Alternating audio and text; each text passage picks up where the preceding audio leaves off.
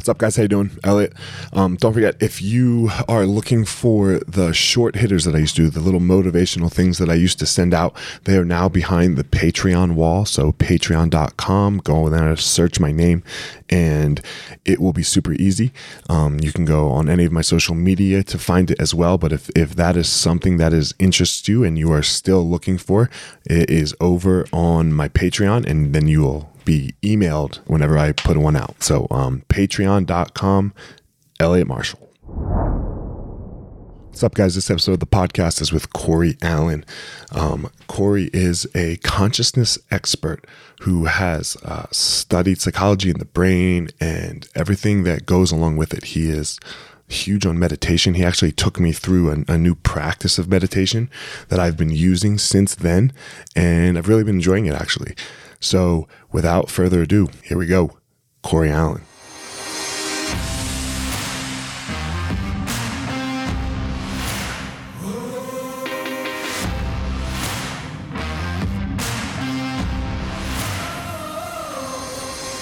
What's up, my ninjas? This is former UFC fighter Elliot Marshall, and this is the Gospel of Fire, where we are going to learn how to go into the fire so that we can find our power and live the best life possible.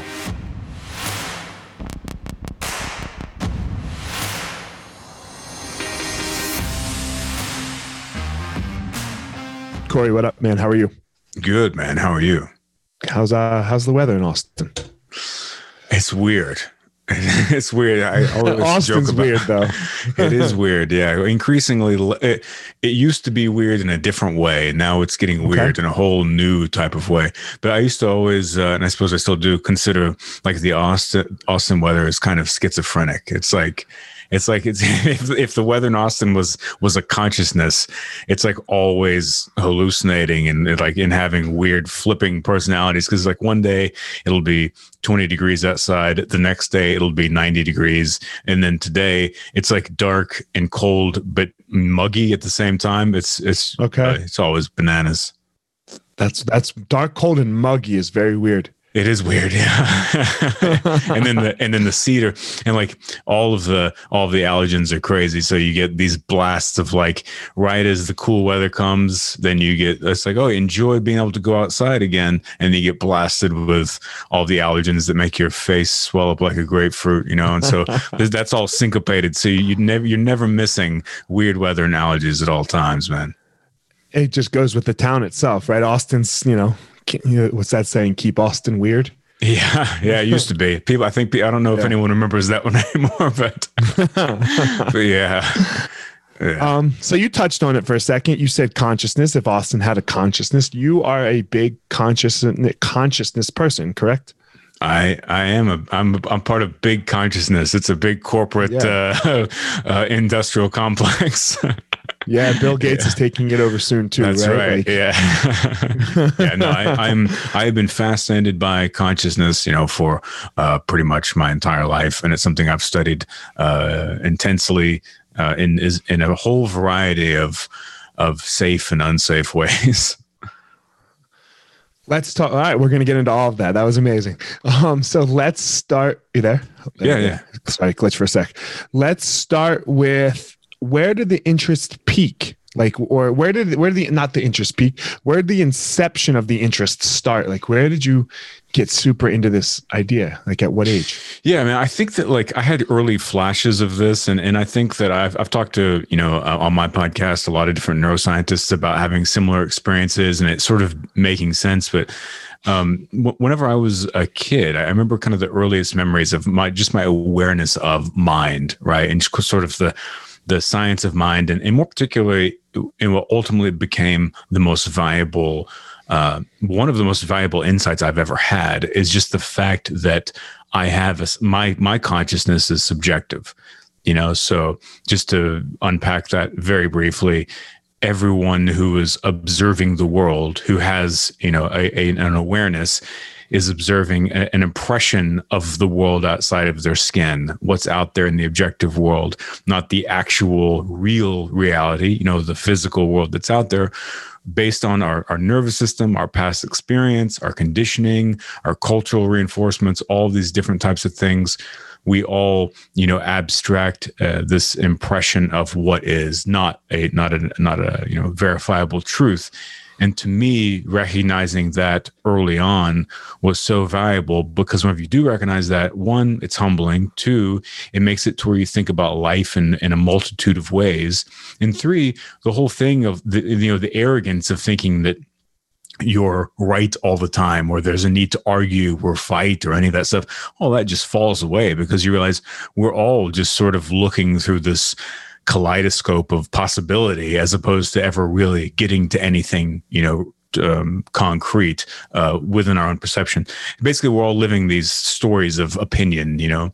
Anyway, so uh, when I was really young, I really I tried to re- uh, remember when my first sort of awareness of this the fact that we're all looking through the camera of our own heads first popped up. And uh, when I was a little kid, I remember I was at, vacation with my my mom and my older brother, and uh, we were staying in one of those those big, uh, you know, touristy hotels. And I remember my mom and I went somewhere. We were leaving, but my brother was staying there at the hotel. And as we were driving away, I remember looking back at the hotel, just at this big building, and thinking man, it's so weird that I'm in this car, like looking out at that big building. And in that building, there's like this room, and my brother is in there, like laying on a bed watching TV. And like from his mind, his reality is like this room, and he's like watching a TV, and he's in there. It's happening right now. But like I'm right here observing it. And, and that was sort of like one of the earliest moments of me recognizing, like, hold on a second, there's something up with awareness here. How does I've always I, I remember that thought as well. How how is what's someone else doing right now when I'm doing this? Like and I never got into this whole thing like are they they both have to be true right. they can exist at the same time. Absolutely. So that's but I can remember like uh and before cell phones, right? There was no there's no even connecting with anybody once they left the house. Like, yeah, they left the house and they, they are gone into the ether. So totally, I totally, stole that. From, I stole that from Rogan. well, it's true. Yeah, it, and I mean, also, you know, you think about our attention and our focus and kind of how we train our our awareness and you know what we serve our own mind in this sense. And that's a very you know astute thing that you pointed out but not just with people but with everything you know. The second that something kind of gets out of our uh, right the area right around us we tend to forget about it and focus on what's right in front of us. And if you recognize our, our kind of our, our attention you can train it and set up your environment to where that can be really beneficial to you. So like with habit stacking or something like that, like get things around you that remind in your, you know, your space that encourage and remind you to, you know, do X, Y, and Z that, you know, by doing those things and remembering to do them or whatever over time, it'll be beneficial. Like putting a book on your nightstand, you know, like if that book's in the other room, you might forget to read at night. But if you have a book on your nightstand, you're going there, oh yeah, book, right? right? Reading. It's, it's that like pops through the bubble of your consciousness and gets back in your your awareness again. And you're like, all right i should do that. And even things man uh, so i coach fighters. And i was just talking to one of my fighters today and i do a lot of mental work with them. And i was just talking to her today and she you know she's getting ready to go into camp. And i was like look i need you to make a playlist. And and well, I first asked her if music puts her in a good space, and she's like, "Oh, I don't really know." I was like, "Well, but I know that music, some music can put you in a bad space and mentally." And she's like, "Well, yeah, for sure." So I was like, "Okay, make me a playlist." So that way, when we're only going to listen to it when we're in this good space, right? We're going to create a good space and then have this music playing so that when there's times when you start to go into a bad space we're going to play this music and it starts to bring bring up the thoughts of happiness of, of good and, and helps us. And, and we know that things like that work. And that's just something that's touching our consciousness correct? Yeah yeah that's a great idea from so many different eh, points of view man. That that concept is really really valuable. Um so when did you get like really into it? When you yeah. like, yeah, all right, this so, is what I'm gonna do. So, um, you know, as I as I get a little older, you know, I, I basically, you know, I had the uh, some you know a lot of challenges, you know, in the home life, and uh, kind of left me feeling very armored and calcified within my own being as sort of this protection mechanism.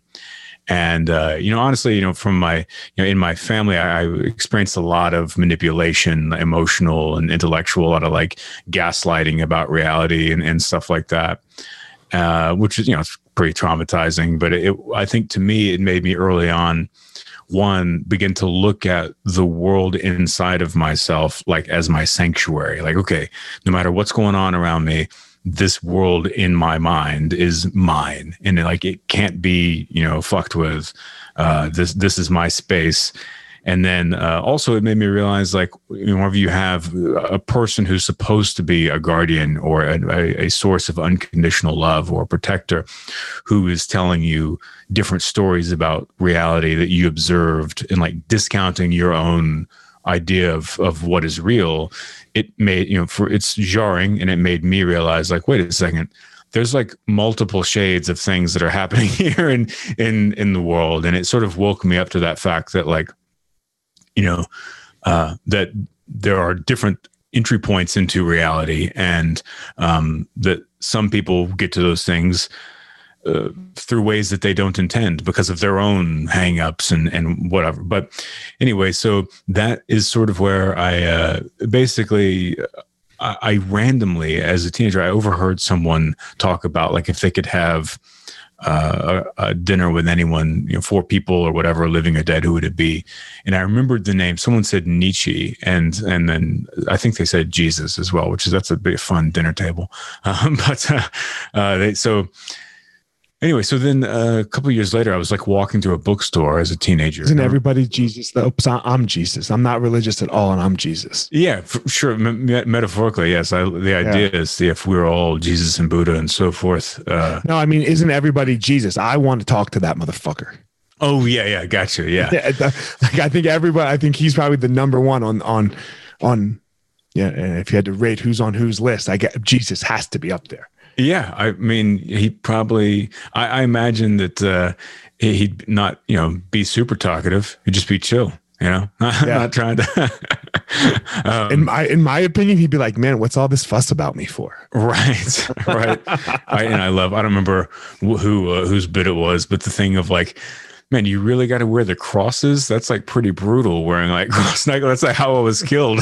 like, could you wear a on my face something instead? You have to remind me constantly. Um, there's, I think maybe it was Carlin based talking about like if if he would have been shot, like everyone wears little gun necklaces. You know, it's like no one wants to be reminded of that. Um, yeah, he just happened to be hung. I mean, he just happened to be on the cross. Yeah. What if he was, what if he was hung? Yeah, that would be brutal. Yeah, maybe people would wear giant nooses, you know, a noose necklace.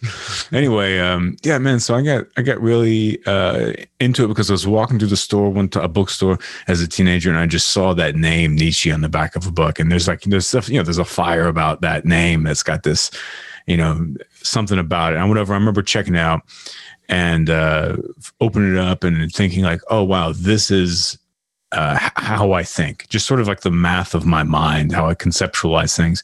And it really like just blew my brain open because I was like, I always felt really um, like not connected with my friends or like people in my life. Like I, I just felt like I didn't speak the same language, you know? And mm-hmm. this really was like, oh, okay, this is how I think. And so I got obsessed with Western philosophy. And then I, after that, I got obsessed with Eastern philosophy. And whenever I first started reading that, then I was like, okay, this is not only how I think, but this is also what I think. This is sort of my outlook instinctively on the world. And all, in all of that, like I got really obsessed with uh, neuroscience, you know, just uh, with psychology, all these different things, uh, even semantics and all that. And also the hippie philosophers that were sort of like the, the bridge between East and West there, like Robert Anton Wilson and, you know, Terence McKenna and Alan Watts and stuff like that. And um, so I, I, got really obsessed with that, and I just sort of realized that the more I read that stuff, the more actually I would feel like stoned afterwards. And I remember I was also taking like LSD, a lot of LSD as a teenager too. While I was reading all this stuff, and I remember feeling like I would feel like really stoned afterwards after I'd read a book on philosophy or neuroscience or something.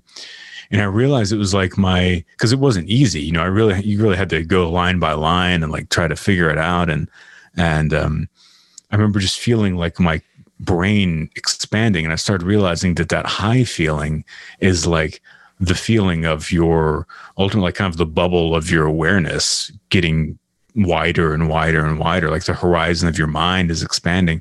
And i got just really really hooked on that feeling.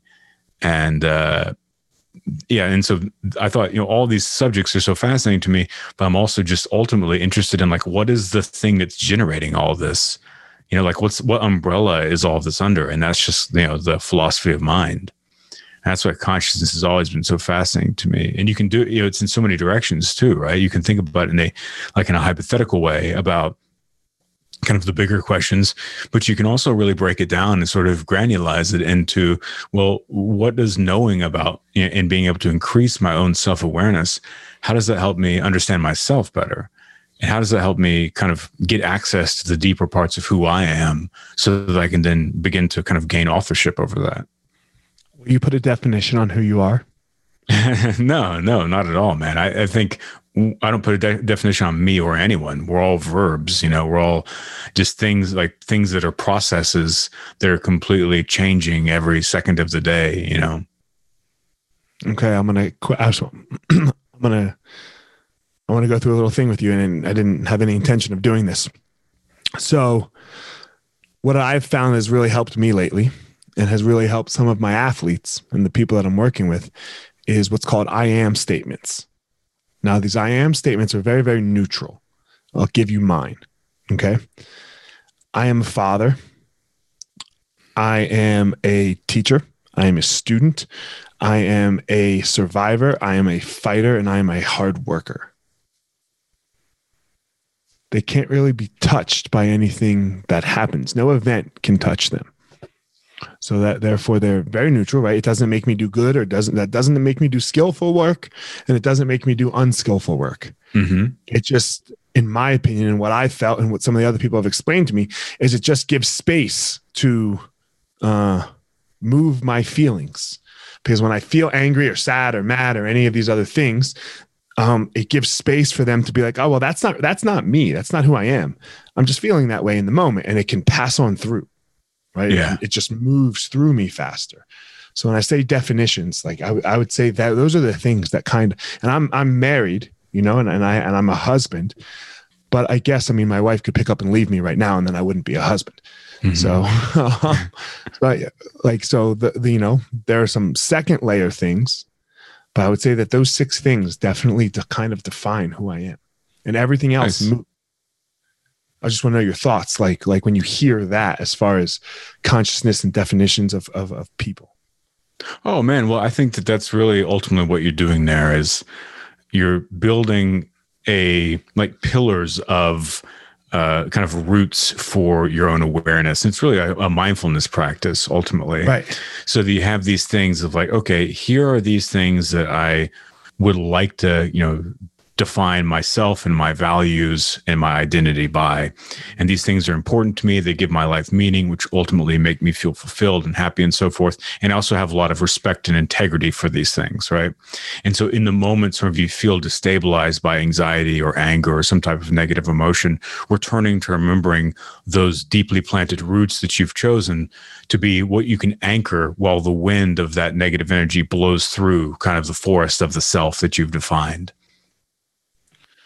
Yeah, it's exactly, and it, it, helps me with the positive too. I don't get too high on myself. Yeah, like when I let, let's say when I am very super skillful, the most skillful I've ever been, that doesn't touch those statements either. Like I am still just those things. Totally, like I'm not. So, well, that's um, the beautiful thing about roots is they're grounding. You know, you, yeah, you yeah. plant those things keep you grounded, man. Yeah, and that's that's a great insight to have too. And you know, whenever you you know if you can keep the dynamics of yourself in in your uh, kind of uh, in check a bit and uh, as you're saying like no matter how successful or, or how impactful of a thing you might do that's beautiful and it is a good high but at the same time you're still this person who has all these other things. It's like even you know obama uh you know he's gotten you know his stomach's been upset and he's been like running to the bathroom over all night before you know what i mean? So it's it's like you know he's like so we're all human is what i'm trying to say. It's like everyone deals with that stuff and no matter how famous or whatever impact you've had on history you know at, at the end of the day everyone can you know have diarrhea. Well, well you mentioned obama. He's an awful person right? He's just I mean, he's the the worst of the worst. I haven't. I mean, that's what fifty percent of the people believe. Apparently, yeah. I'm a, dude, I'm a fan, bro. I'm an Oh, Obama too. fan. I'm, I'm my my my dad's black and my mom's white, so I call Oh, myself cool. Obama. My my friend and I, we he, I have another friend, so we're Obama black. That's what Yeah. ourselves, you know, because there was there was no like there was no way to describe it before, and now there is. Yeah, I'm Obama black. Yeah, So- the only I, I'm a, I'm a big fan of his as well, and Yeah. of course, you know, everyone has you know you, you can criticize or whatever anyone, but it's it's a, the mo- it's so complicated, you know what what he's what he did and continues to do. But one of the things that I think that he has done that is so important, and God, it was if he hadn't have been this person before you know the last four years, I don't imagine where he'd been. But the level of integrity that he brought to himself to his family to everyone he talked to it is so such a valuable thing to have a person in that that position with that many eyeballs on them displaying that level of dignity and integrity i mean to, to me that's one of my highest values you know is, is trying to is focusing on integrity and just having you know kind of bringing back a level of dignity into public discourse and stuff and he is just the the goat of that for sure Find just find a find a thing. What's it called? Uh, a scandal. Find one. yeah Like yeah no, not about like you know decisions that he made as a political figure. Where okay, yeah, I, I get it. Like we had to drop bombs on weddings. That really fucking sucks. But we drop bombs on weddings. American has America has always dropped bombs on weddings. We are going to continue to drop bombs on weddings. We can hopefully get to a place where we cannot. But yeah so moving those aside, but just him as the human being, the man, find one. Yep, I know, man. Fine. And also, what's crazy and it, it, is that like the the you know it's such a hard thing to understand too. Once again, we're sort of like I think before we're Yeah. recording here, we're talking about people that have spent five minutes on Google all of a sudden think that they're medical experts about COVID. Right. And it's it very much the same about the military industrial complex. Is that it's so it's count it's not even just counterintuitive.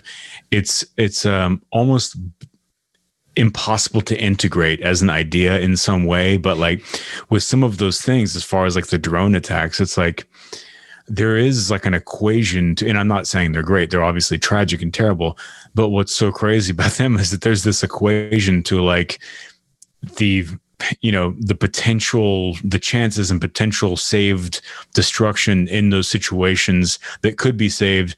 They actually kind of figure out like this is worth the risk to create that you know type of damage in order to you know prevent other large scale damages you know and it's so horrible and and fucked up but it's sort of like that's why it keeps keeps happening you know Uh, well, let me ask you a question because I'm like it, it's this question because I'm also a Jew. I'm a Holocaust. uh, My grandparents survived the Holocaust. If Hitler was at a wedding, right, and we knew Hitler was going to be Hitler before he was Hitler, but he but he was there with a hundred just normal people, not Hitlers, not SS, not they won't do anything. They'll just be me and you, normal two bald dudes on a podcast. but Hitler was there. Do you drop the fucking bomb? Yeah, that's the trolley problem in philosophy. You know, that's that's Right. the, the yeah, and, and it's sort of like th- that's, but it, it's just such a. Uh, the problem with those things is there there is no good solution. No. You know, there's no good answer. There's no there's no right answer. There's only the one that like that you know the, the government has been making forever that seems to kind of have math on its side and that's that's it and it's just a dark part of humanity terrible. So anyway, back to mindfulness. yes Back to the back to the good parts of humanity. yeah Um so and I want to ask you this question because I am a person who experiences some intense anxiety at times. Um I've had some really rough patches and I can remember a very distinct during one of my very distinct rough patches. I was losing it all day and we're only at noon now, let's say. And I'm in the shower and I'm like, I can't handle, the, I can't even handle the shower anymore. So I come down the hall. It was actually this office before it was an office. And I, I lay down on the floor right over here to my right and I just start meditating. And it got so deep and so intense because my anxiety was so intense that I felt like I was talking to the gods or the aliens or I was like I was on a trip almost. Mm-hmm. And there was this energy, this being that was with me and it said, "You're okay, man." And it didn't say the words "You're okay." Like it didn't there was no there was no Jesus or Allah sitting there going, "Ah, you're going to be okay," right? yeah, yeah. It was just this feeling, this energy. And when I came out of the meditation and, and the and the uh and the breathing, uh all of my anxiety was gone 24 hours. Or right around right around a day, right? 24 hours I was I was straight. I was good. What do you what kind of I mean, this is something in consciousness, right? Oh, for sure. Yeah. Yeah, you know, Yeah, this like it almost felt like what people explain as DMT. Yeah. Yeah. No, I have a lot of experience with this. I mean, basically Okay, every t- yeah. every day I experience that. You Like can get there every day. The Yeah. Fuck, how do you do it? Because Well- Jesus Christ, I'm like, I want to do it, man, without the without the I might kill myself feeling Yeah. as well, right? Like like if I like I won't do it. If if I have to go back to how I felt leading up to it, then no, thank you. I mean, I'll do it uh, if I have to. Then I know I can deal. But I would really love to have this experience without the, the negative side. yeah. Yeah. Well, I would say like, firstly, you know, I, I've been meditating for over 20 years, you know, and so Okay. I think that one, I've just had a lot of, you know, I put in my 10,000 hours, you know, for sure. Um, but ultimately on a, on a, you know, I've talked to a lot of different people about what that actual experience is. Um, and of course, you can get, a, depending on who you ask, who get uh, somewhat of a different answer. Uh, some people will look at it as it is a, you know, some type of spiritual, type of metaphysical sort of connection where you get in tap with, uh, in, in tune with another fabric of the cosmos and you talk to the spirits or whatever. That's some people might answer that. Uh, if you talk to a, a neuroscientist or, or a psychiatrist, they'll say that that is often the um, it's basically a, a subconscious projection. You know, so it's sort of like kind of dreaming while you're awake. Um, and you know, so you can. There's all different ways to approach that. I, I even actually did a, a podcast with uh, Das, who's Ram Dass is like one of his best friends for you know 50 years or something, and we actually talked about this too. And I asked him because he, you know, Ram Dass would talk about this, and I asked him, well, what what, what was his take on it? And his take on it was that it was kind of both of those things. He's like, well, yeah, it's it is this spiritual experience. It's also just a subconscious kind of the subconscious fragments of mind, you know, coming together in this moment where you can sort of dream while you're awake. But it's also all in you, and that's the that's I think you know, it makes a lot of sense to me. Um, so I look at it as far as sort of kind of both of those approaches at the same time. I tend to think of it after, honestly, you know, leaning one way for a while, leaning the because you know some of the downloads and the language and the visualizations are so intense. It's like, how could this not be coming from some other, you know, from outside of How me? can this not be God? How can this not be God? And if I don't, and if I'm being given these insights and this like confident wisdom, how come I didn't already know it if I'm the one telling myself it, right? That's sort of, I've lived in that space. I've also lived in the, this is only a subconscious, you know, space, like a kind of awake dreaming space. Um, but now I, I look at it as kind of like, uh, so it, I look at it as the the thinning of the membrane between the conscious and subconscious mind.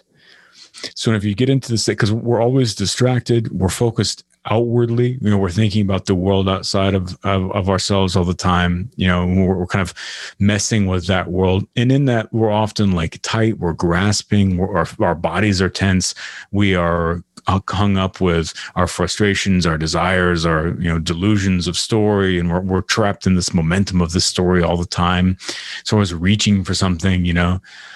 But through consistent meditation, you start to let go of a lot of that. You quiet a lot of that. You're able to calm down, calm the body down. Um, which, of course, even just breathe. I'm sure you know this as a fighter. You know, even just breathing slowly let's you know it's basically a signal that you're giving to the mind to say to let it know that you're okay so you switch into a parasympathetic nervous system state you know it, so even just slowing the breathing calms the body down on a, a mechanical level. And then whenever you do that and after you've you've uh, meditated for a bit of time and you know the brain kind of starts changing shape a little bit the amygdala even you know over a uh, more period of time will shrink a little bit the frontal lobe will grow. So you'll get further away from that animal fight or flight reaction and be able to start kind of responding to your life with intention instead. All of that begins to let go of you know the grasping of the illusion you know the grasping of the, the wants the identity the this the that and you start be- to become very much more of an observer you know? In that state of meditation you know w- you're able to exist you know and have as more of a state of awareness and that you're not trying to solve anything you're not trying to you know be hung up in the human game in, in any way you're just simply allowing yourself to be calm, to be there, to be present, and to not even be, and to just be, you know, witnessing essentially. And whenever you get to that state, you really dilate and open up a lot because you're not, um, you're not trying to uh, sort of uh, accomplish or, or anything or, or strategize or anything like that.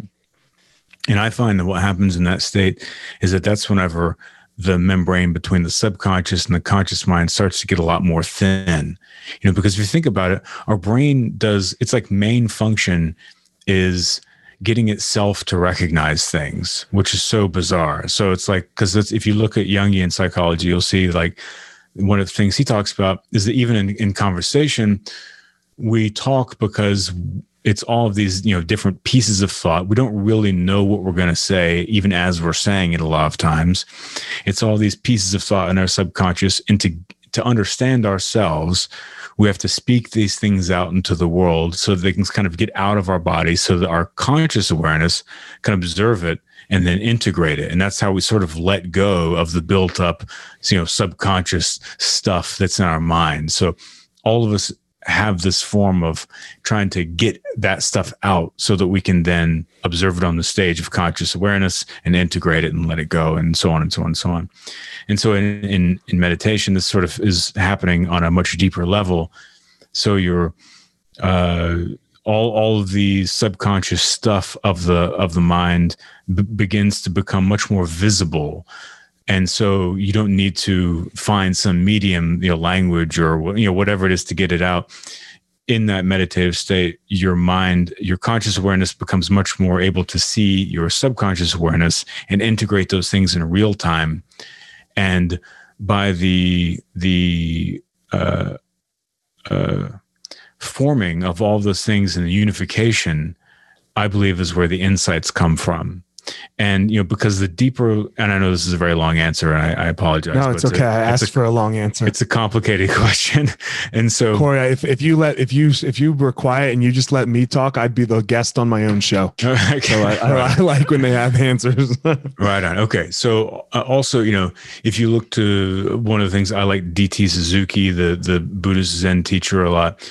And one of the things that he has talked about is that uh enlightenment is letting the fullness of what you are come through. You know, it's letting what's what's his name again? Uh, DT Suzuki. And he's basically just written some book. You know, I would suggest looking at his books of essays. They're uh, kind of tricky and oddly organized and and and whatever. But even that, which one's book, not? Yeah, right. But his book, but just his book, Essays on Zen Buddhism. I've owned okay. that book for like 15 or 20 years and I still pick it up and read it and have, I'm like, oh, now I think I understand what he was talking about. Um, but anyway, uh, one of the things he mentions is that, you know, enlightenment is allowing the, you know, the fullness of what you are to come through without getting in the way of it, you know, and that is, because because our, our self-critic you know the actor and the observer in our mind is always so uh, you know keyed up and, and ultimately fighting with itself particularly in western in western culture. Because we we have this person that we're being but then we have that part of mind you know, we almost feel like there's this eye in the back of our brain like watching us watching us ourselves live and act.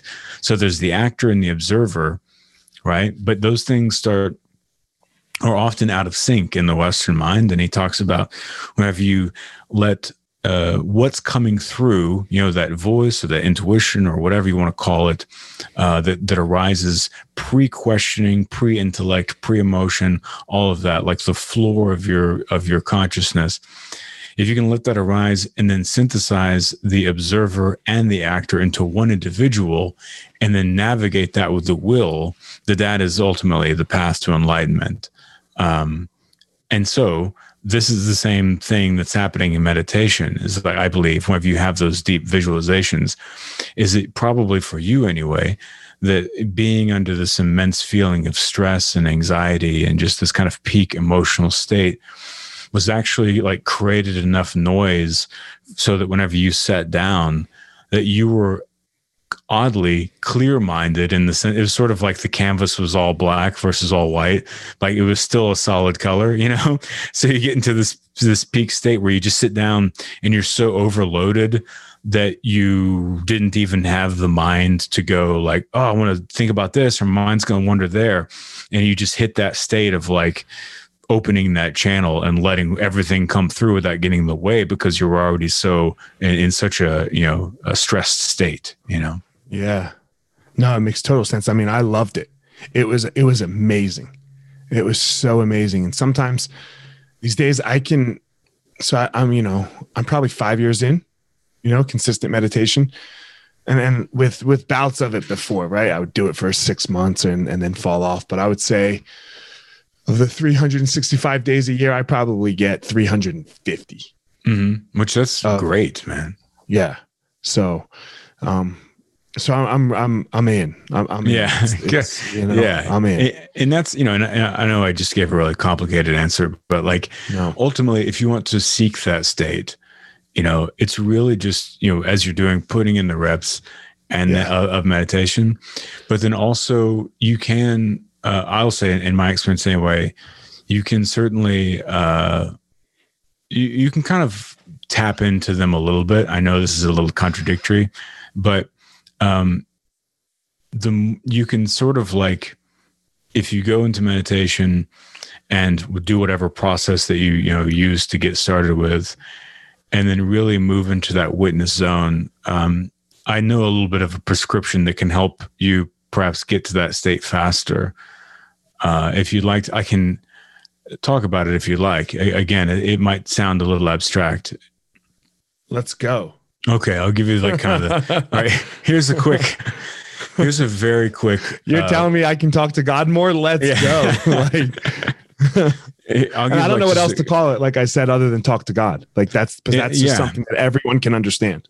It totally works. Yeah, it totally works. Um, all right. So, in each step of the sequence, you could spend a lot of time on, but I'll just give this Cliff Notes version of bullet points of of a technique that I actually developed uh, and am uh, in the process of of writing out right now. But it is a foolproof for me anyway. It is a foolproof way to find that space and you know, you know peace every single day, like true peace. You know, dwelling mm-hmm. in the abundance of now, free of you know poisons and so forth of mind, and uh, with the immense clarity and, and, and ultimately liberation, you know. So step one, of course, is get into your, your, your meditative zone, sit down and start, you know, calming your breath and basically just stilling the body, right? You just get your breath going, still the body and start to let the muscles in the face and the shoulders and all that stuff relax and let the breathing slow. Um, and interestingly, as a side note to to this, one of the big misunderstandings is that people think that you're supposed to take these intentionally deep breaths throughout your entire course of meditation. Whenever really, if you look at you know, uh, and I've I've experienced this myself and questioned it as I researched it. I noticed that my breathing actually became more shallow as I went deeper into my meditation. Uh, and a lot of people get hung up on that, and they continue trying to breathe, breathe deeply, but that's not uh, that's not the the original way. You know. Can I uh, can I ask a question real fast? Please, yeah, please, man. I try to breathe like, and I follow somebody like, and she, and it's a playlist I really fucking like. We're on YouTube, she's she's amazing in my opinion. Um, is she like, and she, it's the whole get yourself sit down, get still, and yeah. then I do take some intentional deep breaths though, and then I notice at some point that the breath has now become shallow again. Yeah, and just shorter. Is that natural? That's natural. That's good. Yeah, that's what yeah, you want. Yeah. Okay. Yeah. Yeah. Perfect. Okay. Go ahead. So even because even you know in the in the depth of meditation, to have the mind to be still thinking, I need to breathe deep, and then so that is that's distraction and too much. You know, right. Yeah. Yeah. Um, and actually, if you look at this, earlier, I mentioned moving into the parasympathetic nervous system state. Uh, one of the byproducts of that is actually breath shallowing because the uh, um, the lungs, uh, the muscle tissue in the lungs actually, uh, whenever you're calm, they contract because you don't need these giant breaths because you're calm and you don't need to use all that energy. But whenever you're in uh, you know, like fight or flight mode, those muscles really expand in your lungs, in your lung tissue, because you need to be running and taking these huge gasps of air because your blood's pumping. And so it's that's kind of how I've described, you know, why it makes sense, you know, because you, all of that stuff calms down, the muscles really calm down and stuff in the lungs, and so you don't need these giant breaths. You've just got these chill, you know, shallow, calm breaths. Anyway, so um, you get into that that state. And then the next thing i i say is then go to um, doing a, a, type of metta, you know meditation which is like a loving kindness meditation which ultimately you know i describe as if you you you know in the same way that you can have like a cringy moment if you think about something from your past where you know where, where all of us can do that i'm sure quite effortlessly. You think about something you did or said that you're just like oh god that i that makes me feel just so embarrassed, you know, to think about that moment. Well, that works the other way too. So you think back to a moment that is full of good feeling and love. You know, it can be something as simple as, you know, a, a, moment you had with a loved one, or you know, looking at your dog's face whenever they're sleeping and you're petting. You know, whatever gives you that warm, good fe- feeling. Remembering that feeling and and allowing that feeling to kind of live in your chest and your body and keep tapping into that feeling um, and then breathing that feeling in right? So as you breathe you're breathing and you literally feel like you're absorbing that feeling into your body and feeling it kind of radiating and moving throughout your arms and legs and and what have you. Um, and then this can get a lot more detailed but so basically just uh, going into that that feeling. So just to recount first off calm the body and and the breath then just doing this this notion of calling up a positive emotion and breathing that in feeling basically filling the body with this positive warmth and feeling. Um, and then from there the next step is that then you start to imagine and you know you feel your hands sitting there on your legs. But then you know we often think we relax our body we relax our hands and, and our face and whatever but almost always we're holding some type of tension right? So then just this is just focusing briefly uh, the next step just releasing the hands and really letting go with every exhale more and more release of the muscle and every bit, every digit, every piece of, you know, everything in your hands until they almost feel like they're floating, right? And they will start to feel like they're floating if you just keep on relaxing them more and more every time that you exhale.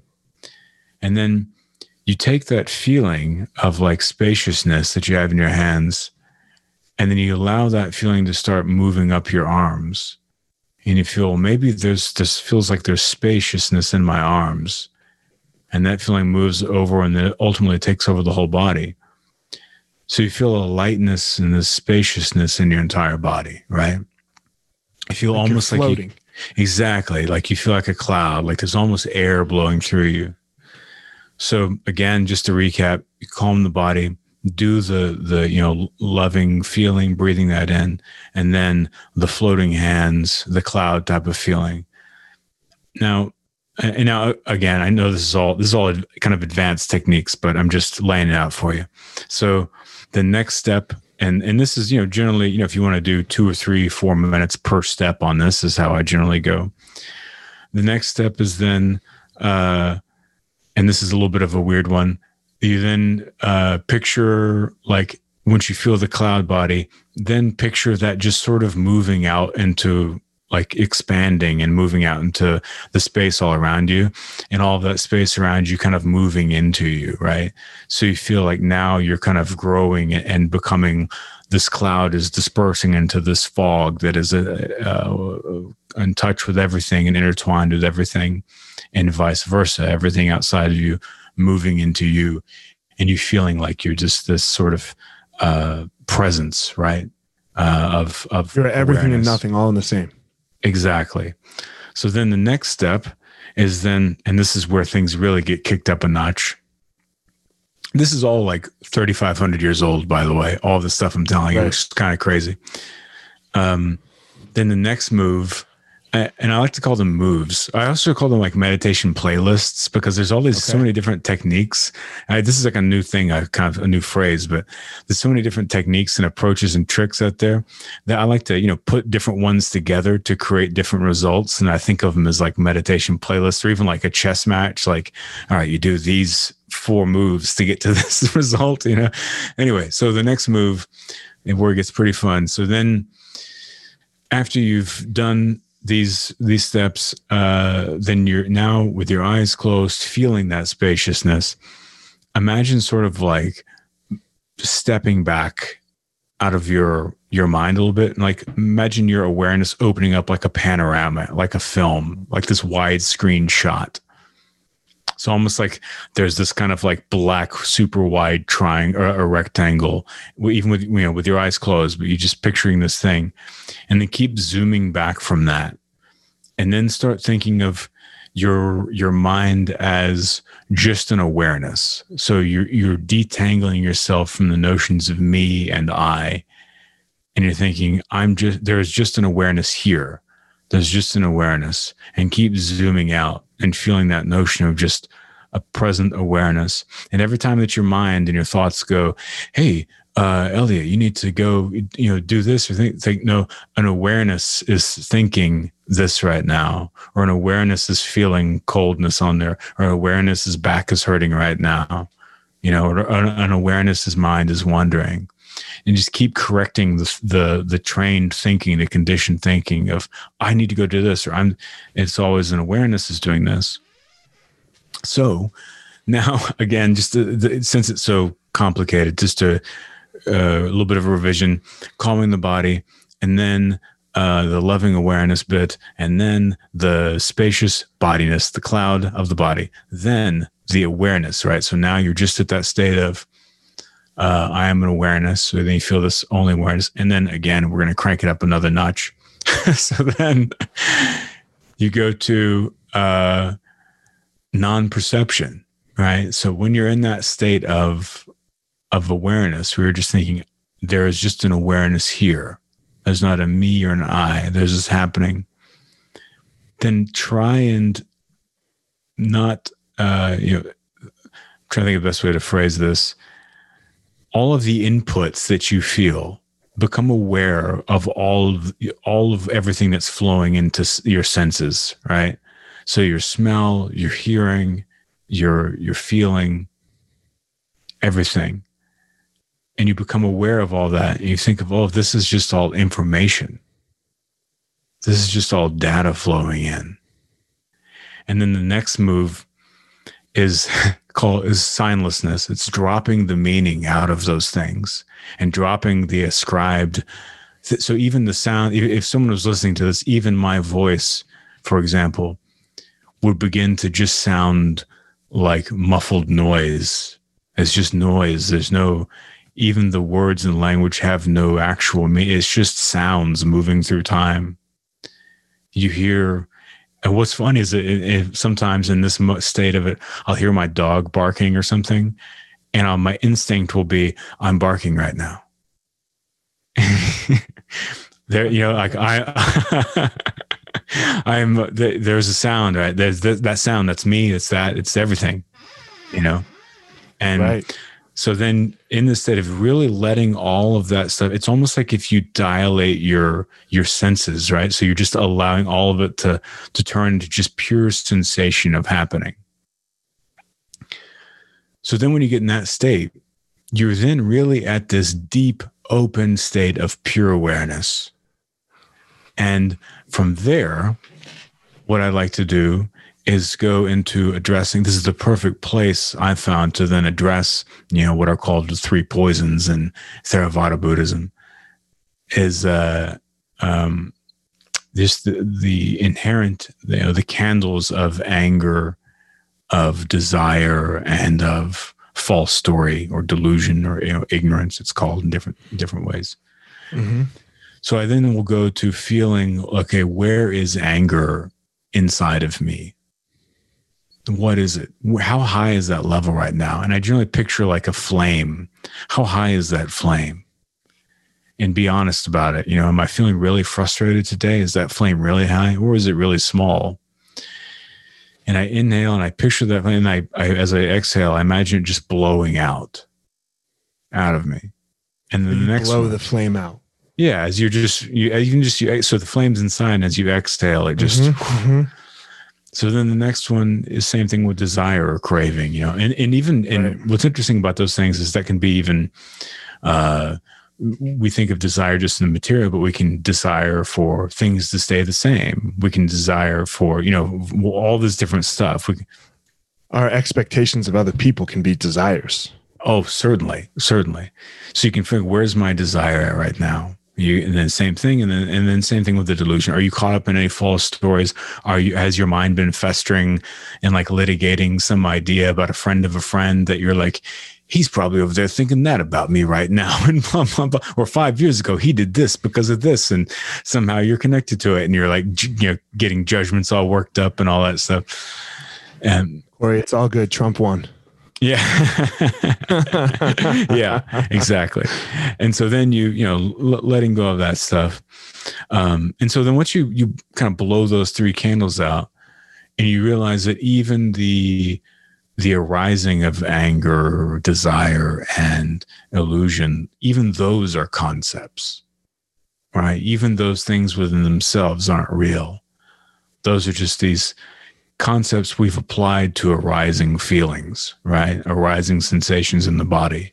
And after you calm those sensations in the body to that practice, then you become liberated, at least in that moment, from those things.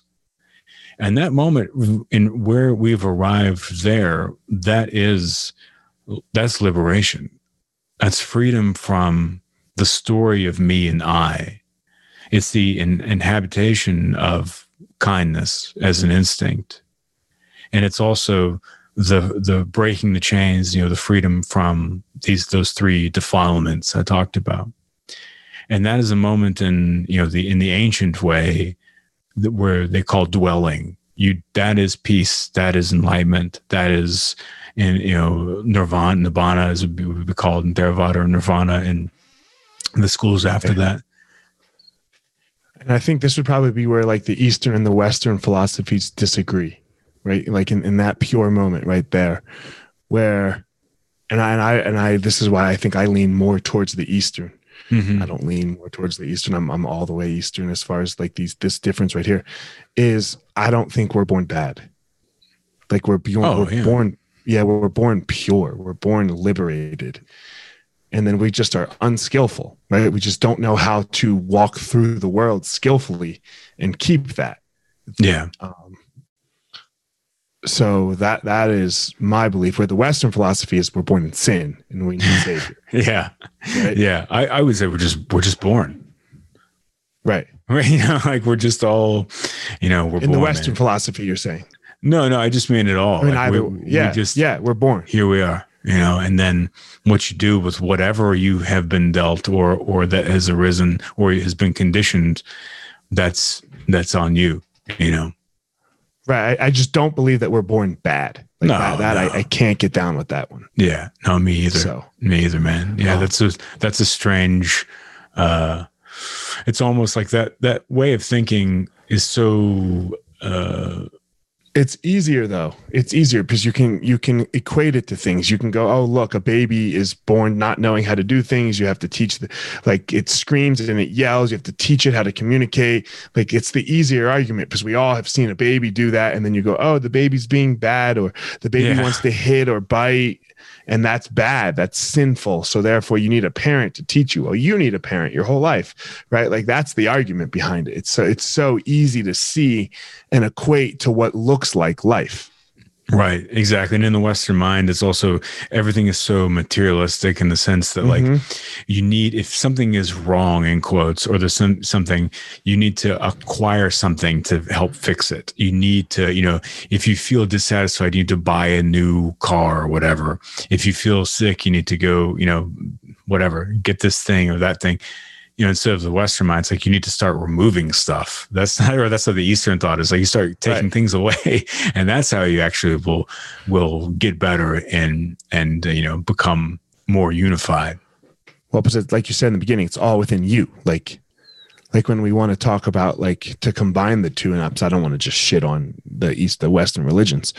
Um, I I don't disagree with Jesus at all in the sense that I am my own savior. Right He so when he says I am the savior, he's fucking right. His, like without a doubt, he's his. He's just not mine. And you know, right so um, exactly yeah, super man. interesting. That that that meditation, I'm gonna. I have something to do tomorrow. yeah yeah and and again you know i that was as i said that was like a that's a a lot of advanced technique and it's all if you took each of those steps and uh spent just an entire meditation session on a single one at a time until you feel comfortable like building them building them up. That's the best way to do it because i on my patreon i've been like doing these like longer guided meditations on each individual one. And even people there that have been meditating for a long time are like this was challenging but it's really awesome. I'm having a lot of breakthroughs. Um Got it. And so don't you know by all means if it's a little tricky or if you get off track don't feel bad at all. But it, it's worth the, sure. the patience to to move through and get comfortable in each of those moves. Because when you get to the end that is the most unbelievable. It's it's just this in, foolproof way i've found to literally find that state of liberation every single day you know and to be Yeah. able to to me to be able to start the day and, and also what started all of that was that in that space of pure spaciousness and openness um th- the that you know dmt state you're talking about is like it's just hanging out waiting for you to call to it. If you start looking for it then it's gonna it'll it'll you know it'll come come visit you that's for sure in that state because you've really opened all the you've you've opened it all up. So you're a, a big old open vessel man ready to to get in there and um, that's whenever my my deepest insights often come at, at that moment you know it's interesting because I have I have these sometimes awake. This my deepest insights. It's it's at a specific beach actually, in in the ocean, and uh, it's it's weird. Like I, I can get there. I can get in this nirvana state in at this one place in the world, and I have really deep, insightful thoughts about like where I want my life to move, and it's it's uh, it's interesting. So That's just to say the least, yeah, yeah, man that's a like honor Um, that spot you know two questions here as we as we close up. right. One, uh, I talked about this when- in the intro with you. I believe everyone has a power. I don't believe anybody's special. I believe we're all unique. Um, what's your power? I think uh, it's funny you bring that up. I've been thinking about this recently. Um, I think my power is whether it be through podcasts or music or you know writing or whatever. It seems to be to get people to calm down and feel comfortable, and then through that process, at the same time, open their mind and think differently and and think in in larger ways and you know introspectively and outrospectively Okay, That's a good one. I like it. um, two la- last question as as we close up. Um, and I tend to often ask this of people who are not in my genre, right? Like when you Google me, you find cage fighting, right? Like that, that's what happens. um, we would seem so opposite, right? We would seem, we would seem, uh, I'm, I'm the yo motherfucker, you can do this. And I am that a little bit. And you are, you don't seem like that.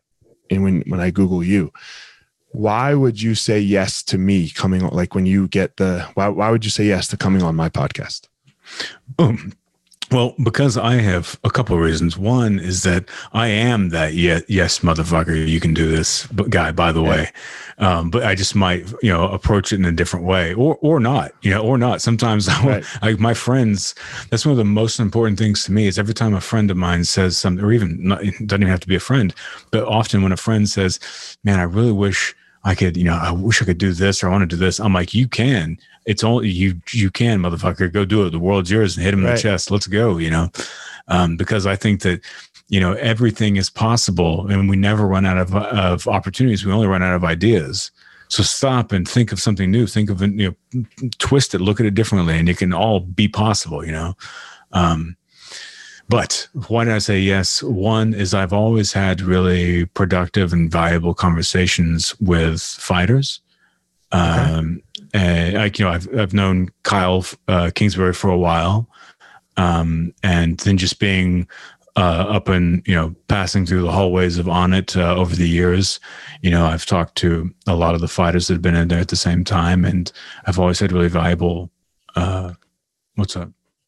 No, I was just gonna say Kyle. Kyle and I were on the Ultimate Fighter together. Oh, nice, nice, nice. Yeah, so I know Kyle well. Go ahead. Sorry. Cool, cool. Yeah. So you know, uh, I've always had good conversations. I found that fighters have a unique, a really unique point of view uh, in that they're all they all seem really grounded. Uh, they're all really hard workers. Uh, they're all constantly looking to improve themselves and to better themselves and try and be the best version of themselves that they can be. And I, the ones I've spoken with anyway, are all very naturally curious and all want to learn about just like everything, you know? And so those are the type of people I want to talk to, you know? And so, and I, I don't judge the, the, you know, the social fabric of what someone's supposed to be. I didn't even cross my mind, you know? Right. So that's that's the main reason. Yeah. So I mean, the only reason I asked that question is because I, I do think we are all so similar, and I don't think this narrative that we are so different is is out there. Really, it, it, it's out there. It's just not correct. Oh, so yeah. I, I like to ask that question so people can see the similarities, the where you and I are the same, right? Like we're not that we're not that different. We're, we're looking for the same things, looking for the same answers, and things like that. And I think every human is. So I think that's uh you know, I mean, everyone knows why you go on Jocko's podcast because Jocko's got a huge podcast. Yeah. you know, like no one says no to Jocko and Rogan yeah. and Ferriss and and all these, you know, but people say yes to me. People say no to me and you all the time, right? Because yeah. you're not them. So, right. Well, yeah, man. And I also think to me, you know, as as all of my uh, stuff, you know, has grown and, and podcast has grown and everything, I really I used to think about that, you know, in in the earlier days of doing stuff of like who has the biggest audience, you know. But I found that after, you know, being on some shows with, you know, really really sizable audiences that um and also having guests on my podcast that you know are have you know millions and millions of followers and all, all that stuff that those don't aren't usually the most uh, valuable conversations you know and it, it's made me like filter down really like what do what is important to me and what where do i really find meaning in what i'm doing? And it's not about trying to get in front of the most amount of people. It's not about trying to spread my name as far and wide as i don't care about that. What i care about is having a, a meaningful conversation that's going to enrich myself and the person that I'm having it with, and hopefully the people that are listening to it. And that's really, truly all that matters. So whether you have one listener or 10 million, uh, it, as long as it doesn't matter, as long as we have that good connection, you know. That's a good way to look at it. If you have 10 million and you touch none of them, or if you have exactly, one, man. one, right? Yeah, yeah, exactly. So, yeah. So, all right, man. Well, it did for me. I hope it did for you. Um, Yeah, like I really, I really enjoyed that. Um, that was very insightful for me. Uh, I, I really liked the meditation pieces, especially there at the end that we were talking about. Um, to answer your question about why I think you're so drawn to fighters or fighters are so drawn to you and the conversation is so good is because we we as fighters live in that really intense moment where uh in that cage when that cage locks there's when you talk about uh the moment there there's nothing else going on. Nothing. So Yeah. we are we are always searching for meaning in that moment. Like what the fuck? Why am i doing this?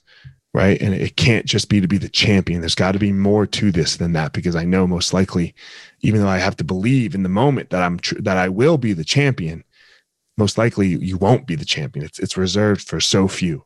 Yeah. so what's the deeper meaning of that Now, do you think I, I've asked Kyle this before, and, and a few other people Yeah. I felt comfortable asking it, but whenever you're in that space mentally, do you feel like you have control over your actions or your body, or do you go into kind of just watching your body do whatever it's doing and you're in such a reactive state? Or do you have more of like, okay, I'm here and I'm making these these choices one by one? Okay, so this will sound silly to most, but um, meaningful to those who understand, I guess. I was not a very good fighter. And yes, I did make it to the UFC and I had seven fight, whatever it was, right? Like six fights, something like that. So most people be like, oh my God, what are you talking about? You made it to the NFL. But I was not a very good fighter. And I was not a very good fighter because I couldn't stop the consciousness. But Mm. in the times that I was the most skillful that I've ever been, I stopped the con. I, I just was existing in the moment and I felt the space and I just react and I was I was the observer, right? You know, I was a fucking Jedi in that in those moments. Um, I I could not create that. I couldn't create. I couldn't get myself there over and over again to be to be skillful in all of the moments. If that makes sense. Yeah. Yeah. So you're observing, and then is your body sort of just on automatically doing things? And then the Mhm. mind is kind of like Mhm. as best it can, like almost, is it almost like blacking out and then tuning back in and Yeah. kind of adjusting things when you can and being, oh shit, okay, this is happening. I need to do this. And you kind of black out again. Interesting. I'm. You're aware. You're not blacked out. You're you're Oh, aware yeah. of what you're yeah, doing. Yeah. right? Like you're you're not like just on autopilot, but you, but you are on autopilot. You're aware of what you're doing, but you are just so uh you're you're it's just a different form of nirvana, right? It's just it's just like you are in the fucking moment. There is no uh your your sense of danger is down, but but there just enough, right? Because you can't just be reckless, because you Right. right? Because that will like it's it's it's the perfect it's the perfect bliss. It's it's that liberation that you were talking about. It's just in a different way. Uh it's why i love fighting because god damn man when it's when it's there when you're in it whew, there's nothing like it. There's nothing like it. If i could pack it if look if you and i if, if this conversation packaged that that feeling and we could sell it uh, we would like they think bill gates owns the world we would own Right. the world in a hot second right in a hot fucking second We have our So- own microchips. yeah we yeah well and it won't even need to be a fucking microchip yeah, that's that's that's so cool, Yeah. man. It's really fascinating to me. I, I'd love to. Are there any books where you know, a, or something where a fighter has really taken that? That's such a unique experience, and I imagine that people who are in you know like uh, in uh, war situations as well probably experience the same thing. the only two But my opinion. taking that and you know really writing that out, like describing that from the inside out. I, you know anything? Uh, you know of anything like that? I don't. It's kind of what I'm trying to do with this. Nice. Right? Like I'm trying to show fighting in life as as like fighting is just this microcosm of life because um we are all fighting something. Like it's Mhm. in us. So what what is it that we're fighting? How do we fight it in the most skillful way so that it doesn't even feel like fighting? Right? So that it just because that moment that you're talking about that I just described it, you're not fighting. You're just Right. flowing through existence. You are not fighting. And I really wish I could, yeah, I'm, I'm working on it. So Nice. I, I don't know of anybody that's doing it, but it's what I'm working on because I believe if we can all do that in our own lives and whichever arena is your arena, then what what a better place we'll all have, you know? Absolutely. Yeah. Yeah. Cool. Beautiful, man. Yeah. Cory, um, thanks so much. Guys, as always, don't try to go out in the world and be Cory. Cory has his unique power. And don't try to be me. I have my unique power. You go out in the world and you find your own power. All right, everyone. Thanks for listening to this episode of The Gospel of Fire. If you enjoyed the episode, I'd love a review on iTunes or wherever you are listening to this podcast. Don't forget to follow me on social media at FireMarshal205. If you are a BJJ enthusiast, check out my YouTube channel. I put all kinds of instructional DVD uh, videos out on there, so go check it out. My book is still out on Amazon by the same name as the podcast, The- The Gospel of Fire. So if you are interested, go check out that. And most importantly, guys, go out there every day, find your power. Thanks a lot. Guys, look, I get it. I totally get it. You opened a martial arts school, and man, it's kind of crushing you. There's all this other stuff to do other than teach, right? You love teaching. You love jujitsu. You love Muay Thai. You love karate. Whatever it is you're you're teaching. And man, but there's all this other stuff. There's there's the front desk. There's there's taxes. There's curriculum. There's cleaning. There's there's problems, staffing, covering. Whew, man, it's so much. It's so much. Well, let me tell you, uh, we have started what's called Easton Online, and Easton Online is here to solve all of these problems for you. Easton Online is a digital academy for martial arts school owners and managers. Will help you establish or enhance your business with best practices. Most importantly, we're going to help you get back to what it is that you love most teaching and doing martial arts. Okay, so for more information, guys, go to easton.online. Again, that's easton.online. Add your email. You're going to get notified about the course launches. Our first course is going to be all about the first impression specialists, your front desk and all kinds of stuff, special offers, promotions, as well as we started a podcast by the same name, Easton Online, that's gonna talk about our process of how how we went from a tiny little martial arts school to what is now seven martial arts schools, seven Brazilian Jiu Jitsu Muay Thai schools, um, in a very holistic way that we believe um, kept the integrity of the art and also deals with its people very well. So again, easton.online, enter your email, and you're gonna get all you're gonna get everything you need right there. So thanks guys.